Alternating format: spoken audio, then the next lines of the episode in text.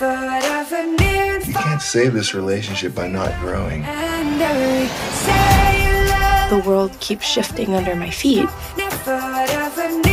All I want is for it to stand still.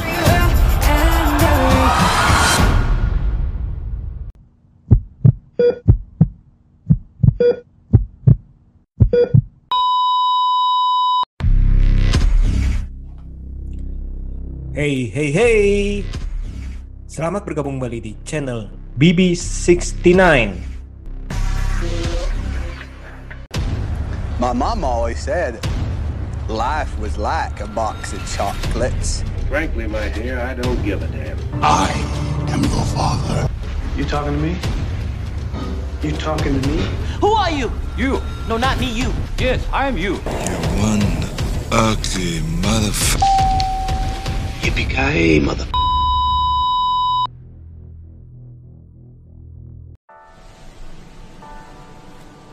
Sobat BB69, pada episode kali ini kita akan membahas sebuah film drama percintaan remaja terbaru yang berjudul To All the Boys, Always and Forever.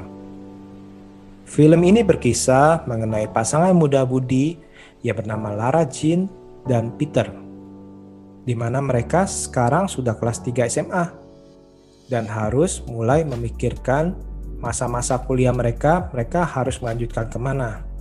Permasalahan yang ada adalah bahwa ternyata kampus di mana Peter diterima dan kampus di mana Lara impikan ternyata berjarak sangat jauh. Dan hal inilah yang membuat hubungan mereka menjadi agak tergesek. Karena mereka harus berpikir bahwa apakah hubungan ini bisa dilanjutkan ataukah hubungan ini harus kandas karena pendidikan yang akan mereka ambil selanjutnya. Kira-kira bagaimana ya kisah hubungan asmara antara Lara dan Peter?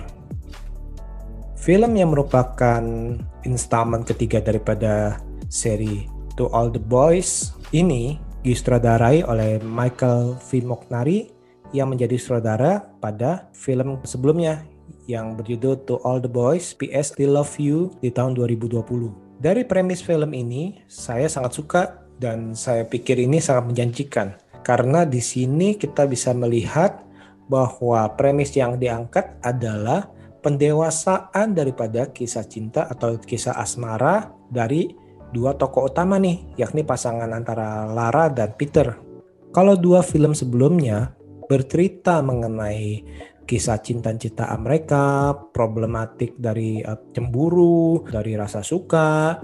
Namun di installment ketiga ini dibawa ke arah pendewasaan karakter mereka, di mana konflik yang ada bukanlah dari orang ketiga ataupun orang lain ataupun mantan ataupun apa pun, tapi di sini dihadapkan adalah kenyataan antara hubungan cinta dengan perjalanan atau persiapan untuk masa depan mereka.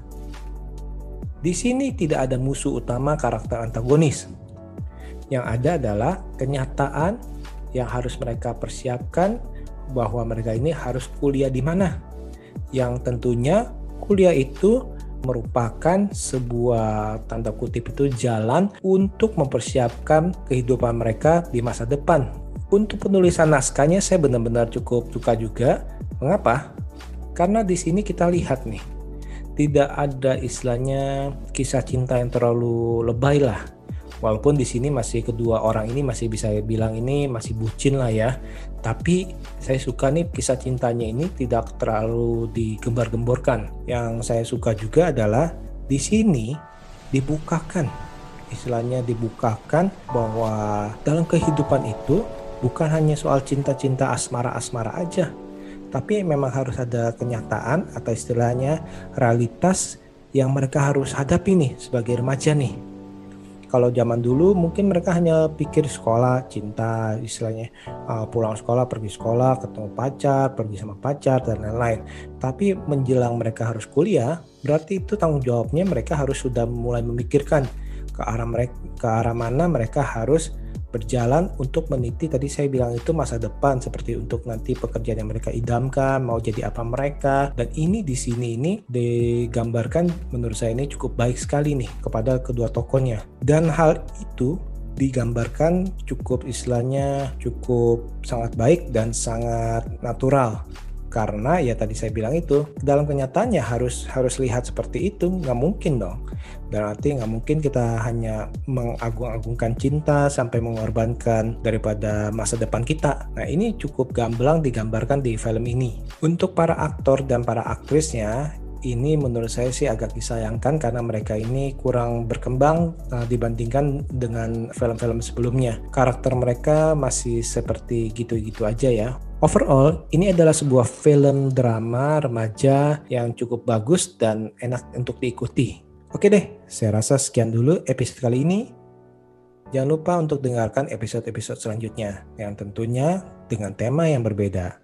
Jangan lupa juga Sobat BB69 untuk pencet tombol like bila kalian menyukai review kali ini dan tekan tombol subscribe dan notifikasi agar kalian mendapatkan info-info terbaru dari film-film yang kami review. See you!